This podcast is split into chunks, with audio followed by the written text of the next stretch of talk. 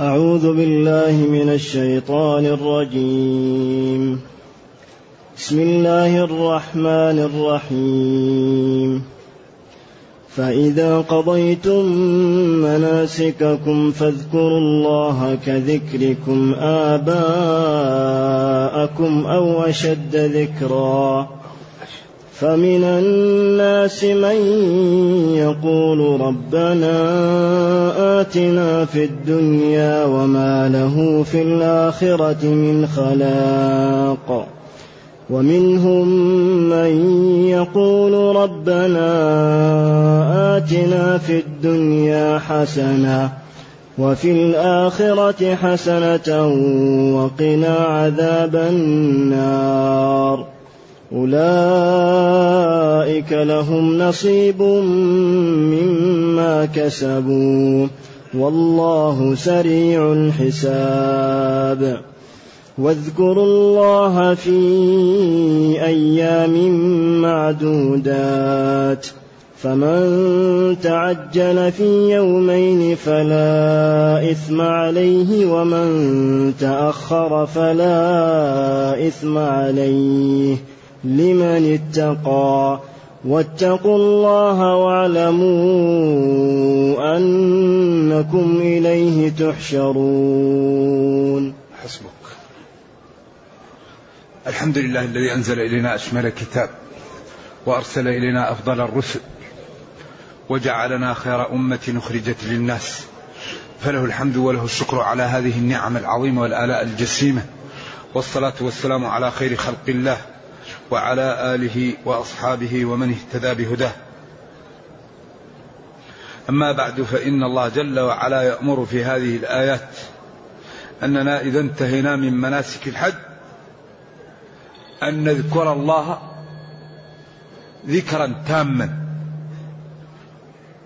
ذكرا واقعا من قلوبنا ذكرا كذكرنا آباءنا. بل أشد ذكرا لأن هذا نوع من التنبيه على أن العبد إذا أكرمه الله بانتهاء هذه المناسك أن يشكر الله ويستقيم ويجعل طاعة الله ومرضاة الله وأوامر الله في المكانة التي يجعل فيها آباءه. لذلك اختلفوا ما المقصود بالذكر هنا؟ هل هو ما كانوا يفعلون من آه، يعني التمادح ومن إظهار الخصال الجميلة؟ أو أن الإنسان إذا ذكر أبوه بشر ثارت عنده غريزة البنوة فثار يرد ذلك. وعلى كل فنحن ينبغي أن يكون يعني اهتمامنا بالله وبذكره واستغفاره وبعبادته وبمرضاته أكثر من اهتمامنا بآبائنا. إذا فإذا قضيتم أنهيتم والقضاء هو الانتهاء. وقد يقال للقضاء لفعل العبادة خارج وقتها. إذا القضاء يقال للتأدية ويقال لعمل العبادة خارج وقتها. آه، فعل العبادة بوقت عين شرعا لها باسم الأداء قرنا. وكونه ببعض بجزء بعض يحصل بعضد النص هو المعول. حتى قال وما يكون خارجا قضاء يعني إذا فإذا قضيتم هنا أنهيتم. ولذلك قال اتوا للصلاة وعليكم السكينة فما أدركتم فصلوا وما فاتكم فاقضوا. وفي بعض الروايات فأتموا ورواية فأتموا تبين أن المقصود فاقضوا يعني أتموا. ولذلك بعض الفقهاء جمع بين القولين قال وقضى القول وبنى الفعل. جمع بين الروايتين القول يقضى ولذلك يجهر في الركعتين الأخيرتين. أيوة وبنى الفعل. أما الفعل يبنيه يجعل الفعل آخر هو هو آخر. لكن القول يجعل آخره هو أول. على الروايات الموجودة فأتموا وفقدوا لكن فإذا قضيتم أي فإذا أنهيتم وأتممتم. المناسك جمع منسك والمنسك هو العبادة من رمي الجمار والمبيت بمنى والوقوف بعرفة والمزدلفة وغير والنحر والحلق والطواف والسعي. إذا قضيتم مناسككم أي أنهيتموها فاذكروا الله. الذكر معروف وهو كما قال أن تذكر الله بنعمه. تذكره بقدرته تذكره بوحدانيته تذكره بأخذه للظالم. ولذلك كل ما زاد علم العبد بربه كل ما زادت خشيته له. كل ما علم العبد ما عند الله زاد خوفه زادت رغبته. وكل ما قل علمه قلت خشيته. اذكروا الله والذكر لا إله إلا الله. الذكر أن تتذكر أن الله لا تخفى عليه خافية. الذكر أن تعبد الله كأنك تراه. لذلك قالوا كفاك من من عرفانه الفؤاد لا يأتوا قبل ظهر الفساد. الله الذي خلقكم ثم رزقكم ثم يميتكم ثم يحييكم. هل من شركائكم من يفعل من ذلكم من شيء؟ سبحانه وتعالى عما يشركون. والذي يعلم أن ربه لا تخفى عليه خافية. إذا يعلم أنه لا ينجي إلا الصدق. ما في شيء ينجي إلا الصدق. ولذلك نحن الآن لا زلنا في الدنيا. الحمد لله لا زال الواحد في الدنيا. أي عمل يعمله يقبل منه إذا كان خالصا. لكن أهل القبور الآن كفت أيديهم عن العمل وشاهدوا الحقيقة. لا يوجد شيء أحزن من أهل القبور. واحد مسكين وضع في القبر وما يستطيع يعمل وكل شيء يراه. يرى رأي العين الجنة والنار والأعمال وكيف كل واحد وهو ما ما يستطيع أن يقول لا إله إلا الله. ما يستطيع أن يقول رب اغفر لي خطيئتي يوم الدين. ما يستطيع أن يتصدق. لذلك الخطورة كل الخطورة أن الإنسان يغفل ولا يتنبه حتى يوضع في القبر. هذه المشكلة. والمحمدة. والذكر الحسن والدنيا حلوة خضيرة نظيرة والشهوات والشيطان والناس والدنيا هذا يجر الإنسان وبعدين شوية شوية وتوضع الحفرة ويحطوه فيها ويرجع المال والأهل وتبقى مع العمل إذا كان العمل تعبان. هذا يكون خسارة غريبة. لذلك يعني العاقل يعلم أنه لا ينجي إلا الصدق. ما فيه شيء ينجي إلا الصدق. لأن الله لا تخفى عليه خافية. تصوروا وما تسقط من ورقة من ورقة. غابات السنوبر غابات الأمازون الغابات الاستوائية. ما تسقط من ورقة إلا يعلمها. والقرآن ليس فيه إيغال. ما فيه غلو ما فيه كلام زايد على الواقع. قوله الحق. إذا ينبغي لنا أن نذكر الله. فاذكروا الله. بعدين مثل لنا ذكرا مشابها لذكرنا آبائنا. لأن الناس من طبيعة الإنسان يحب آباءه ويحب أصله. لأن هذا أصله وبقاءه ولذلك الناس تحبه. ولذلك لما قال المتنبي بي شرفوا قالوا هذا ذم أصله وذم نفسه. قال بقوم بي شرفوا لا شرفت بهم. قالوا هذا مسكين ما فهم. وإلا أراد أن يمدحش فذم. ف اذكروا الله يعني ذكرا مشابها لذكركم آباءكم. بأنكم تذكرون محامدهم. وما فعلوه من الخير وما قاموا به من إكرام الناس وما قاموا به من إصلاح البين وما بذلوا من أنفسهم للرد عن ذويهم وأهليهم حتى لا يداسوا ولا يضاموا. تذكروا الله أنه هو الذي أوجدكم وهو الذي أعطاكم النعم وهو الذي قادر على أن يسلب كل واحد منا ما عنده من النعم. أيوة لأن لأن النعم التي أعطاها الله لو قيست إحداها بما يقوم به الإنسان لو جلس عمره وهو ساجد لسبقت تلك النعمة نعمة البصر طول حياته وهو ساجد نعمة الذوق نعمة العافية نعمة العقل. لذلك قال صلى الله عليه وسلم لن يدخل أحدكم عمله الجنة. ثم قال ادخلوا الجنة بما كنتم تعملون. فقالوا العمل بمفرده لا يدخل الجنة لكن العمل مع رحمة الله وسعته ومضاعفته للحسنات يدخل الجنة. ادخلوا الجنة بما كنتم تعملون. أي بسبب عملكم لكن لن يدخل أحدكم عمله الجنة لأنه لو يقاس العمل مع نعيم الجنة لرجح نعيم الجنة ولا يكافئه ذلك. ولكن هو جل وعلا يعطي الأجر الجزيل في العمل القليل في العمر القليل. ويكافئ ويعطي رأس المال ويعطي الربح.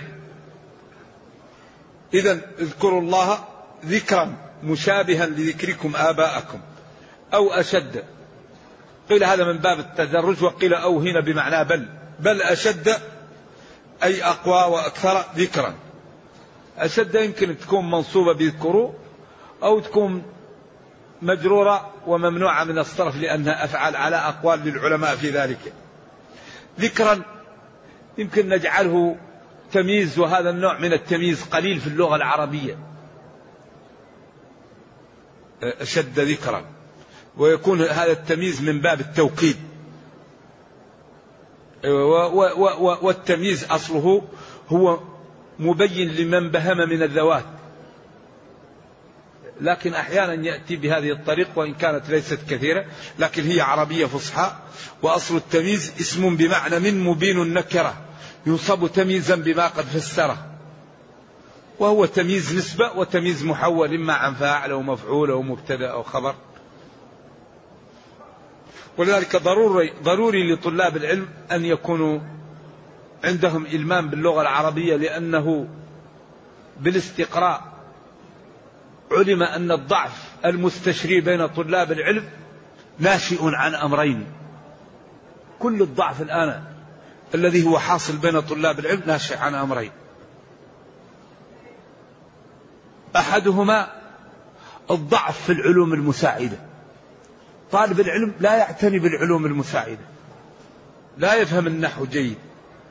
لا يفهم التصريف كما ينبغي. لا يعرف البلاغة. لم يدرس أصول الفقه. لا يعرف مصطلح الحديث. لا يفرق بين الأسلوب الجميل والأسلوب القبيح. الطرق التي يكون الكلام بها جميلا يجهلها. الطرق التي يكون الكلام بها قبيحا إيش؟ يجهلها. اذا الضعف في العلوم المساعدة. الأمر الثاني وهو حفظ المتون. اذا ما هو سبب الضعف بين طلاب العلم؟ الجواب سبب ذلك عدم حفظ المتون والضعف في العلوم المساعدة. فإذا اهتم طالب العلم بالمتون وحفظها وكل فن حفظ فيه متنا واعتنى بالعلوم المساعدة نبول وفهم وأصبح يستطيع أن يعبر عما يريد أن أن يجش في صدره وأصبح يفهم إذا قرأ في كتاب وأصبح عنده القدرة على أن يرجح وعلى أن يوضح الفكرة التي يريد أن يوصلها للسامع. أما إذا كان طالب العلم لا يحفظ متونا ولا يفهم علوما مساعدة فيمشي بالبركة. يمشي بماذا؟ فلذلك ينبغي أن نهتم بحفظ المتون وبالعلوم المساعدة. وبالأخص من أصبح مكلفا بالتدريس أو بالتعليم أو بالخطابة أو بالوعظ أو بالتأليف فإنه يتعين عليه الاهتمام بهذين الأمرين. إذا فإذا انتهيتم من الحج فاذكروا الله ذكرا مشابها لذكركم آباءكم أو أكثر منه ذكرا. لأن الله تعالى نعمه لا تعد. وأول شيء هو حق الله. بعدين يجي بعد حق الآباء والأمهات. لأن الله هو اللي أوجد. والدنيا لما خلق الله خلقها بقانون إيش؟ قانون المعاوضة. إن الله اشترى من المؤمنين أنفسهم وأموالهم. أوفوا بعهدي أوفي بعهدكم.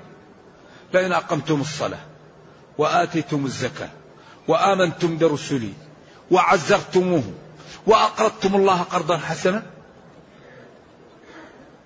أوفي بعهدي. أكفر عنكم سيئاتكم وأدخلكم. جنات تجري من تحتها الأنهار والله لا يخلف الميعاد. إذا نحن ديننا واضح والطريق واضحة لكن نحن نغالط وبعدين إذا وضع الواحد في القبر المغالطة ما تمشي. فلذلك ينبغي لكل واحد منا أن يصدق في وقت ينفع الصدق. لأنه في الدنيا الآن ما لها علاج إلا الاستقامة. لا علاج للدنيا إلا الاستقامة لأن الإنسان سيموت. كل نفس ذائقة الموت. كل نفس. وإنما توفون أجوركم يوم القيامة. الدنيا ما فيها. أمور غير متمايزة. فمن زحزح عن النار وأدخل الجنة فقد فاز. بعدين قال وما الحياة الدنيا إلا متاع الغرور. ما أبلغ هذا الكلام وما أجمله وما أوجزه وما أشد نصحه لمن سمعه. إذا لا علاج للدنيا إلا الاستقامة. لأن الإنسان لا يدري متى تأتيه الموت. والموت مخبوء وما تدري نفس ما لا تكسب غدا. إذا لا علاج إلا أن كل واحد منا يستقيم. هذا هو علاج الدنيا. يستقيم يبتعد عن المعاصي. لا يترك الواجب. وما استطاع أن يفعل من من الخير يفعله لكن الحرام لا يقربه والواجب يفعل منه ما يستطيع. ما نهيتكم عنه؟ هذا إذا فعله الإنسان يكون زي إنسان عنده إيش؟ عنده إسعافات. إذا احتاج لها أو عنده رصيد. أما الإنسان الذي لا يبالي ولا ينتبه حتى يجر مسكين فإذا هو ما انتبه الصلاة ما انتبه لها الصوم ما انتبه له الطهارة ما انتبه لها النفقة ما انتبه لها الوالدين ما انتبه لهم الجيران ما انتبه لهم. الكلام لأن أكثر ما يأخذ الحسنات هذا. هذا عجيب. نحن الآن دائما نجلس في المجالس ونرفع الكلام. كل كلام يرفع غيبة. إلا كلام فيه الخير. إلا كلام فيه الدين. فيه النصح. فيه إصلاح ذات البين. أما ما يقع بين الناس أغلبه غيبة. لأنك إذا قلت فلان آذى فلان هذه غيبة. إذا قلت فلان تكلم على فلان إذا قلت فلان دف فلان أو فلان ضرب فلان هل واحد يريد أن يضرب أو يضرب؟ إذا كل الكلام الذي يقع بين الناس لا يخلو من الغيبة. إذا ما النجاة؟ النجاة أن الإنسان لا يتكلم فيما يقع بين الناس. يتكلم في العلم. يتكلم في القبر. يتكلم في الجنة. يتكلم في التحذير من النار. يتكلم من يوم القيامة يوم يجعل الولدان شيبا. يتكلم في كيف يصلح دنياه كيف يصلح أخراه. كيف ينقذ جيرانه كيف ينقذ عشيرته. وأملل عشيرتك الأقربين الأقربون أولى بالمعروف. أما فلان قال وعلان فعل وفلان فعل لفلان. هذا مشكل. ذلك ينبغي أن نتعود فعل الخير نتعود عود لسانك فعل الخير. من كان يؤمن بالله واليوم الآخر فليقل خيرا أو ليصمت. ولذلك كل شيء يتعود. والله أخرجكم من بطون أمهاتكم لا تعلمون شيئا. وجعل لكم السمع والأبصار والأفئدة لعلكم تشكرون. أعطاكم موارد العلم لشكر الله. لأن تنظر في المصحف تسمع القرآن تفكر كيف ننقذ أمتي كيف ننقذ أهلي كيف ننقذ إخواني كيف نترك لي عمل ينفعني وينفع ديني وينفع أمتي قبل أن نموت. كيف تعلو همتي؟ كيف نكون قدوة في الخير؟ أما الإنسان يفكر فلان قال لفلان أو فلان عمل لفلان وفلان هذا لا يصلح ولا ينفع. ولذلك كل ما علت همة الإنسان كل ما ابتعد عما لا ينبغي. وعلو الهمة هو الذي يأتي بالفضائل. الذي ليست عنده همة عالية لا يمكن أن ينال الفضائل.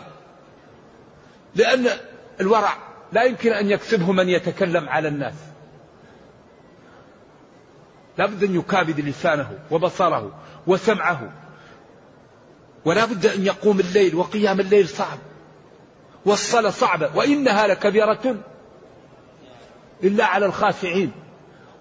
وتمسك الإنسان من نزواته صعب. وبذل المال صعب وبذل النفس أصعب. إذا المشقة هي التي تمنع الناس من السيادة. لولا المشقة ساد الناس. ومن أرفع الأمور الجنة الجنة هي أغلى شيء. إذا لا بد لها من ثمن. أغلى شيء يجده الإنسان الجنة. ولذلك الإنسان لو خطب امرأة فيها الصفات الأربعة. ذات جمال وذات مال وذات حسب وذات دين. وقيل له ادفع. هل يقول لا؟ خلاص فيها الصفات الأربعة.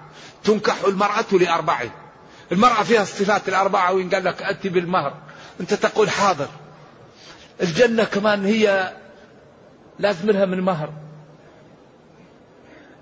ومن يخطب الحسناء لم يغلها المهر. فالجنة يبقى لها مهر. ومهرها هو ماذا؟ هو الاستقامة. نهى النفس عن عن الهوى. ابن دريد يقول في الدريدية وآفة العقل الهوى. فمن على على هواه عقله فقد نجا. وآفة العقل الهوى. الهوى إذا جاء العقل يدمره. شهوة. الواحد يروح يعمل فضيحة. شهوة يعتدي على الأيتام يأخذ أموالهم. شهوة يواشي بين الأصدقاء فيجعلهم يتهاجرون ليكون عنده مكانة عند كل واحد منهم. فرق تسد وآفة العقل الهوى. فمن علا على هواه عقله فقد نجا. أما فمن علا على عقله على عقله هواه فقد هلك. ولذلك قال ونهى النفس عن الهوى. وهذه الأمور تدرب ويعود عليها. إذا يقول جل وعلا فإذا أنهيتم مناسككم فاذكروا الله. كما تذكرون آباءكم. قالوا كانوا يأتوا ويقول اللهم إن أبي. فعل وفعل وفعل وفعل. اللهم أعطني مثل ما أعطيت لأبي.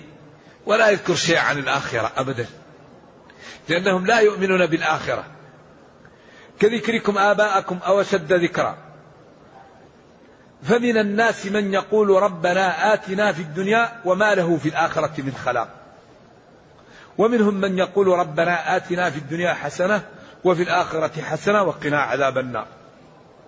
دائما القرآن يتكلم على طائفتين. ويأتي بأساليب متعددة ليبقى الإنسان على بصيرة من أمره قبل أن يفوت الأوان. مثل الفريقين كالأعمى والأصم. هدى للمتقين الذين يؤمنون بالغيب. بعدين قال إن الذين كفروا سواء عليهم أنذرتهم أم لم تنذرهم يوم تسود وجوه يوم تبيض وجوه وتسود وجوه.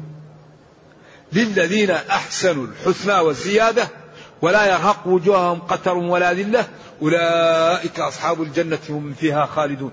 والذين كسبوا السيئات جزاء سيئة بمثلها وترهقهم ذلة. إذا القرآن يبين الصنفين دائما. ولذلك هذا القرآن جاء يهيئنا لأن هذه الدار ليست دار بقاء. القرآن من أوله إلى آخره يهيئ الأمة للرحيل يا جماعة هذه ما هي دار. يا جماعة هذه هذه هذه زيارة. يا جماعة نحن مسافرون. الرحيل الرحيل. استعدوا للرحيل. لذلك يبين كيف ناس أوبقوا أنفسهم وكيف ناس نجحوا ونجوا. وهذا يتكرر في القرآن حتى العاقل يعتبر وينجو بنفسه قبل أن يفوت الأوان. إذا بين أن أهل الحج ومن الناس وبعض الناس من يقول آتنا في الدنيا حسنة وما له في الآخرة من خلاق من نصيب من حظ. وهؤلاء الكفار. اللهم إن أبي كانت جفنته كبيرة وكانت قبته كبيرة وكان كثير المال. اللهم أعطني مثل ما أعطيت لأبي. فقط لا يذكر عن الآخرة شيء. هؤلاء الكفار. ومنهم من يقول ربنا آتنا في الدنيا حسنة وفي الآخرة حسنة وقنا عذاب النار. هذا محمد صلى الله عليه وسلم وأصحابه ومن نهج نهجهم. وأجمع كلمة للخير هي هذا هذا الدعاء. ومما ثبت في الحج وفي الطواف أنه كان يقول بين الركنين اليمانيين ربنا آتنا في الدنيا حسنة وفي الآخرة حسنة وقنا عذاب النار. قال العلماء حسنة الدنيا العافية المال العلم عدم الأذية صلاح الذرية الذكر الحسن سلامة الأعضاء عدم التشويه الغناء الجمال العز الذكر الحسن العلم. لأن كل خير يدخل في الحسنة ومنها الزوجة الصالحة. وفي الآخرة حسنة الجنة والحور العين والنعيم وملاقاة الأحباب. بعدين قال وقنا عذاب النار. هذا زيادة لأنه قد يدخل الجنة لكن بعد أن إيش؟ بعد أن يطهر عاذنا الله وإياكم من النار. وقنا عذاب النار يعني أعطينا الجنة بدون ما نمر بإيش؟ بالعذاب بالنار. لأن بعض الناس يكون عنده مشاكل فلا بد أن يطهر. مشاكله كبيرة. فيمر عياذا بالله بالنار نرجو الله السلام والعافية. لذلك أجمع الدعاء هذا الدعاء. إذا الذين يحجون بعضهم لا يريد إلا الدنيا وبعضهم يريد الدنيا والآخرة والدنيا مطية الآخرة و و و ونعم الدنيا للرجل الصالح. لا حسد إلا في اثنتين رجل أعطاه الله مالا فسلطه على هلكته ورجل أعطاه الله علما فهو يعمل به ويعلمه الناس. فالدنيا مطية الآخرة وهي المزرعة. ولذلك كان الصحابة عندهم المال وينفقونه ولا يشغلهم عن طاعة الله ولا يكون المال في قلوبهم. لأن المال إذا كان في القلب صاحبه لا يجد طعم للصلاة ولا للعبادة ولا للنوم ولا للأهل. لأن القلب واحد وحيث يشغل. فإذا امتلأ قلب الإنسان من محبة الدنيا حكم الله عليه في الدنيا بالشقاء وبالأخص إذا زاد المال. لأنه إذا كان عنده مال كثير النوم تخسره يمكن عشرة ملايين إذا نام والأكل يخسر مليون والصلاة تخسر نصف مليون. طيب يبقى دائما في حسرة لأنه أي شيء يشتغله في غير المال ينقص المال فيبقى حياته حزنان وهو بشر ما يقدر كل الوقت يشتغل. فتبقى حياته كلها شقاء لأنه يقول بيع يربح مليون اشتري يربح مليون بيع يشتري مليون اربح لأن المال إذا زاد يزيد. وصاحبه يبقى أجركم الله فيما لا في شقاء حتى يجر للقبر ويبقى المال لمن؟ للورثة. ولا يقولون الله يرحمه. يقول هذا أعطاه لنا ربنا هو لم يعطه لنا. ولذلك هذا هو الشقاء. الشقاء أن الإنسان يسلط عليه المال ويكون قلبه مليء من محبته ولا ينفقه في سبيل الله ويبقى يشتغل للدنيا حتى يجر برجله ويبقى المال وراءه. ولذلك من هو مال لا يشبعان. طالب علم وطالب دنيا. لأن الدنيا إذا كان الواحد عنده مليون يبقى مليون آخر. إذا كان عنده بليون يبقي بليون. إذا كان عنده تريليون يبقي يبني عمارة يريد عمارة ثانية سيارة سيارة أخرى. أرض أرض أخرى. ما لها نهاية. لذلك أسعد الناس من أعطاه الله الكفاف. لا شك أن المسلم الذي يعطيه ربه المال ويوفقه لإنفاقه في الخير لا مثيل له. لكن كثير من الناس إذا كان عنده المال ما يستطيع أن ينفقه. فلذلك أسعد الناس من عنده الكفاف. لا يحتاج للناس ولا يحتاج إليه الناس. لكن في هذا الزمن أهل المروءات ينبغي أن يكون عندهم ما يكفيهم وما يستطيعون أن يساعدوا به أهل المروءات ممن لا مال عنده. ولذلك لو تقرأوا في سيرة عبد الله بن المبارك. كان الفقراء في مجلسه مثل الملوك يفرحون وكان يكرم الناس. ويأخذ أهل المروة ويقول من يريد الحج فيأتيني بزاده. فيأتوها أهل المروة بأزوادهم. فيأخذ كل زاد واحد ويكتب على صرته اسمه. ويروح ويحججهم. ويشتري لهم الهدايا ويردهم لمروة. ولما قال له واحد لم تشتغل؟ قال نشتغل لنحميك وأمثالك من أن يعني يذلوا. فقالوا أنا أشتغل للمال لكي لا يذل الفضلاء. لأن الإنسان إذا احتاج للأمور الضرورية يكون ذلك سببا إيش؟ في ذله وفي نزوله. ولذلك ما في شيء أشد من الفقر.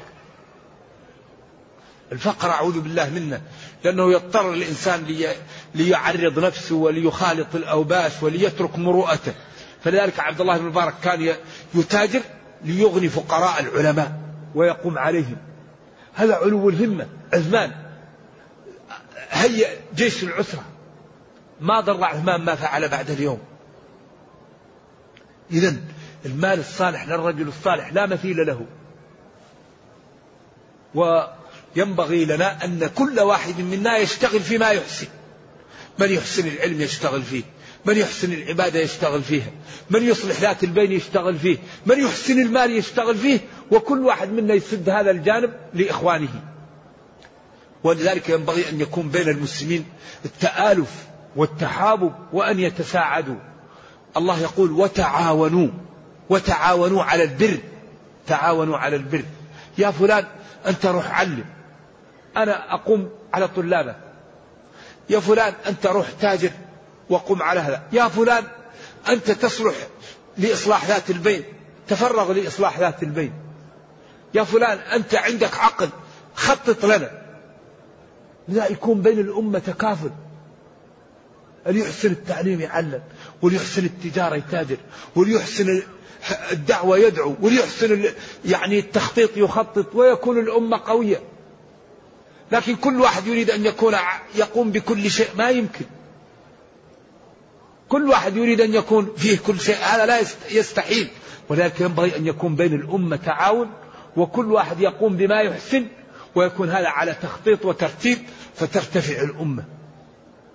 الصحابة. كان كل واحد يحسن شيء. أفرضكم من؟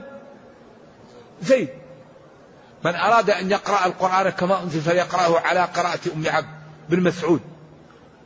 خالد قائد ميداني. أبو بكر قائد للأمة. أبو ذر للعبادة.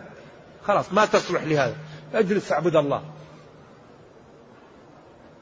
إذا والإسلام يكمل في الصحابة. هذا يعرف الفرائض هذا يعرف القراءة هذا يعرف الفقه هذا يعرف القيادة العامة هذا يعرف القيادة الخاصة.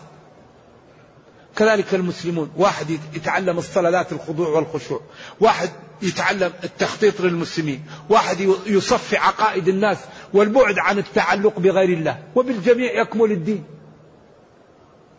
إذا لما لا يكون بين المسلمين تعاون؟ والله يقول وتعاونوا على البر. لما يكون في الصف الأول والواحد ينظر إلى الثاني الشزر ويقول له أبغضك في الله. أخوك كيف تبغضه في الله يا أخي وهو أخوك ومعك في الصف الأول؟ استعذ بالله من الشيطان. كيف معك أخوك؟ أنت وهو في الصف الأول تكرهه في الله. هذا ما هو في الله هذا مشكلة. بعدين المنحرف مريض يحتاج إلى أن تعطي له الدواء في عسل الكلام الطيب الإحسان اللين. الذي منا عنده انحراف ينبغي أن نرفق به حتى نزيل عنه الانحراف. أما هذا ضال. الله يضل. وهذا ضال. وهذا كلابي. وهذا أشعري. وهذا صوفي. طيب نروح وننام في البيت؟ طيب ما الطريق؟ للذين عندهم انحراف. ما هي البرامج؟ للعقلاء الذين أكرمهم الله بالفهم الدين الصحيح. أين البرامج لهم؟ لإنقاذ الفرق التي انحرفت من المسلمين. إذا ينبغي أن يكون لنا عمل جاد لديننا ولأمتنا. الذين انحرفوا أين الطرق لهم لجلبهم للخير ولنزع ما عندهم من الانحراف؟ أين البرامج لهذا؟ سبحان الله الأمة عندها طاقات هائلة ولكنها إيش؟ معطلة. لذلك الله يقول وتعاونوا وتعاونوا على البر افعلوا الخير. ومنهم من يقول ربنا آتنا في الدنيا حسنة وفي الآخرة حسنة. هؤلاء الصالحون. وقنا عذاب النار. قنا من الوقاية. والوقاية ما تجعله بينك وبين الشيء. يعني اجعل بيننا وبين عذاب النار وقاية. من طاعتك من عبادتك من تجنبنا لمخالفاتك. أولئك إشارة أولئك لا غيرهم. لهم نصيب. النصيب يقال للشيء المقسم. إذا قلت لفلان النصيب معناته فيه نصيب ثاني. نصيب مما كسبوا. وأولئك الذين لم يعملوا لهم نصيب أيضا مما كسبوا. والله جل وعلا سريع الحساب. إذا حاسب فحسابه سريع لأنه جل وعلا لا تخفى عليه خافية. وأمره إذا أراد شيئا أن يقول له كن. لا تخفى عليه. فإذا حاسب فحسابه سريع. ثم قال واذكروا الله في أيام معدودات. اذكروا الله. أدبار الصلوات. وعند رمي الجمار. أيام معدودات هنا هي أيام التشريق. وأيام المعلومات هي أيام التشريق ويدخل فيها يوم النحر اليوم الثالث لا يدخل فيها. إذا الأيام المعدودات والمعلومات تتداخل. فأيام المعدودات هي أيام التشريق الثلاثة وأيام المعلومات يوم النحر ويومين من يوم التشريق. إذا تتداخل. واحد يخرج من هذا وواحد يخرج من هذا على أحد الأقوال. وقيل غير ذلك. إذا اذكروا الله في أدبار الصلوات. وعند رمي الجمار. معدودات أي معروفات أيام التشريق. والجمار ترمى بسبعين حصية لمن لا يريد التعجل. كل الجمار سبعين حصى. فسبعة في يوم النحر. ويوم النحر لا ترمى فيه إلا جمرة العقبة. والوقت السنة فيه من بعد طلوع الشمس. وللضعفة من بعد نصف الليل من منتصف الليل. للضعفة وأهل الأعذار. وجمرة العقبة ترمى بسبع حصيات من جهة الوادي. السنة أن ترمى من جهة الوادي. وأن تجعل مكة عن يسارك. ومنا عن يمينك. وترمي. لا بد من الرمي. لا يجوز الطرح. ولا بد من الحجارة. فإن كانت صغيرة لا تجزئ. وإن كانت كبيرة مكروهة. وغسل الحجار ليس من السنة. خلاف السنة. لا تغسل. وترمي. وتكبر عند كل حصاة. والذي يرمل. ما هو الشهق. الحوض التحت. الشهق لمحل المرمى. وينبغي أن ترميها وتستقر في المحل وترمي. فالحصى يكره أن يكون كبيرا وإذا كان صغيرا أقل من من المطلوب لا يجزي. وهو مثل يعني حصى الخلف الذي تجعله بين أصابعك وترمي به. مثل الحمص. ولا تقف عند جمرة العقبة ولا تدعو لأن محلها فيه عقبة فالسنة لا تدعو عندها. فإذا رميت جمرة العقبة تذبح إن كنت عندك هدي أو حججت متمتعا أو قارنا أو أهديت. فإن لم يكن عندك تحلق أو عملت. ثم أو تقصر. ثم تطوف. ثم يحل كل شيء. أما إذا رميت جمرة العقبة وقصرت فقد حل لك كل شيء إلا النساء. ثم تبقى في بنا وترمي من الغد إحدى وعشرين حصاة. ولا بد أن تبدأ بالجمرة الصغرى. والجمرة الصغرى ترمى من أي جهة. ثم تتنكب عنها قليل وتدعو طويلا. ثم تذهب إلى الجمرة الوسطى وترميها بسبع حصيات وتتنكب عنها قليل وتدعو ثم ترمي الجمرة الكبرى ولا تدعو عندها. إذا إحدى وعشرين اليوم الثاني وإحدى وعشرين اليوم الأول إحدى وعشرين اليوم الثاني. فإن أردت أن تتعجل تخرج من منى قبل غروب الشمس. فإن غربت عليك الشمس الأولى أن تبيت وترمي في اليوم الثالث عشر أيضا إحدى وعشرين ولا بد من أن تبدأ بالصغرى ثم الوسطى ثم الكبرى. وما يفعله كثير من الحجاج يذهب إلى عرفات ويترك بقية الحج ويمشي يوم الحج ويقول الحج عرفة. هذا خلاف التحقيق وخلاف الواقع. وإذا كان الإنسان لا عذر له يخاف عليه من هذا. الإنسان إذا حج لا يجب عليه الحج. فإذا حج وأتى بالفرض لما يدخل نفسه في فرض ويضيعه؟ الحج ليس بواجب لمن حج. الحج فرض مرة في العمر. في روح ويلزم نفسه بالحج ويدخل في الحج ويترك الرمي ويترك المبيت ويترك طواف الإفاضة في وقته. هذا لا ينبغي. ينبغي إن استطاع أن يحج يحج وإن لم يستطع إيش لا يدخل نفسه في الحج ولا يقوم به. وبالأخص إذا لم تكن هناك ضرورات. فإن كانت هناك ضرورات فلا فهو معذور ولا شيء عليه. إذا فمن تعجل في يومين اذكروا الله في أيام معدودات هي أيام التشريق. أدبار الصلوات وعند رمي الجمار. فمن تعجل في يومين فلا إثم عليه ومن تأخر فلا إثم عليه لمن اتقى. للعلماء في هذا أقوال عديدة. أشهرهم قولان. القول الأول فمن تعجل فلا إثم عليه لتعجله ومن تأخر فلا إثم عليه لتأخره. وهذا القول مرجوح بدليلين.